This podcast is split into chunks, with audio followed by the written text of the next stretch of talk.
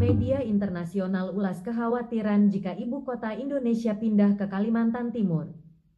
Dipublikasikan oleh Kompas Internasional.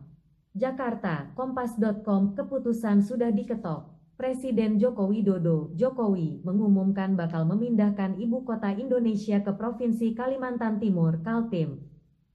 Lokasi ibu kota baru yang paling ideal adalah di sebagian Kabupaten Penajam Pasir Utara dan sebagian Kabupaten Kutai Kartanegara, Kalimantan Timur, ujarnya Senin, tanggal 26 Agustus tahun 2019.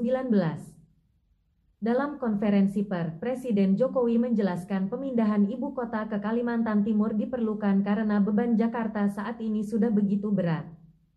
Lokasinya sangat strategis, terletak di tengah Indonesia dan dekat dengan area perkotaan, kata Presiden Jokowi dalam pernyataan yang disiarkan televisi nasional. Pengumuman itu mengakhiri spekulasi beberapa bulan terakhir apakah Jokowi bakal melaksanakan rencana yang telah dicetuskan Bapak Proklamasi Soekarno 50 tahun silam. Dia melanjutkan, usulan pemindahan bakal segera diberikan ke DPR, Pembangunan bakal dimulai tahun depan, dengan estimasi 2024 ibu kota baru bisa difungsikan. Keputusan yang dibuat Jokowi menjadi perbincangan dunia dan diulas oleh media internasional. Selain mengulas pengumuman, media luar negeri juga menyoroti kekhawatiran jika ibu kota pindah.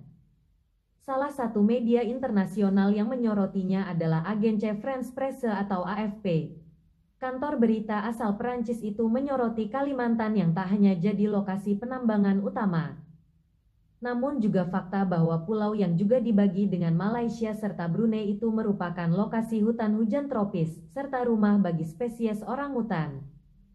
Pemerhati lingkungan mengungkapkan kekhawatiran bahwa pembangunan ibu kota bakal mengancam spesies terancam punah. Seperti aktivis Greenpeace Indonesia, Jasmine Putri, Pemerintah harus memastikan bahwa ibu kota baru di Kalimantan Timur tidak akan dibangun di atas lahan konservasi ataupun area yang dilindungi, kata Jasmine.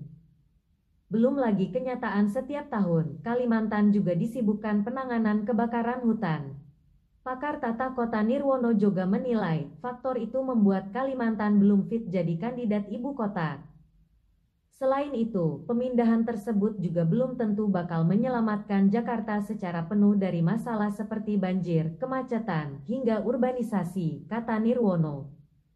Mei lalu, manajer kampanye perkotaan dan energi wahana lingkungan hidup Indonesia, Walhi, Dwi Sawung memperingatkan sebagian besar kawasan itu adalah tanah gambut yakni sejenis lahan basah kaya karbon yang terdiri dari sebagian vegetasi mati yang dikeringkan dan dibakar untuk membuat jalan bagi perkebunan kelapa sawit. Dwi menjelaskan dilansir Jakarta Post via Citylab, para pembangun perlu melakukan pekerjaan pendahuluan seperti menggali guna memperkuat lahan gambut. Pekerjaan pendahuluan sebelum membangun ibu kota baru bisa menyebabkan lebih banyak kebakaran serta polusi udara. Demikian keterangan Dwi. Kemudian politisi dari Partai Gerindra, Bambang Haryo, mempertanyakan kelayakan mega proyek itu. Dia menyebut kekhawatiran soal meningkatnya utang hingga deforestasi. Berdasar data Dana Moneter Internasional (IMF), utang Indonesia berada di kisaran 29% dari GDP, menjadikannya kedua terbawah di ASEAN setelah Brunei. Tetapi rasionya meningkat 5% dalam lima tahun terakhir. Tolong pikirkan ini matang-matang.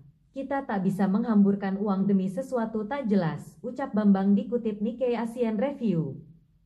Menteri Perencanaan, Kepala Bapenas Bambang Brojonegoro dikutip SCMP via The Guardian berusaha meyakinkan bahwa mereka tidak akan mengganggu hutan. Sebaliknya, kami akan merehabilitasinya, tegas Bambang.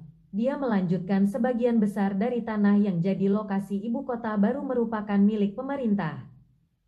Proyek relokasi itu diprediksi bakal menghabiskan dana Rp 466 triliun. Sebanyak 19% bakal didanai dari APBN. Sisanya dari kerjasama pemerintah dan badan usaha, KPBU, dan swasta. Pengumuman pemindahan ibu kota baru di Kalimantan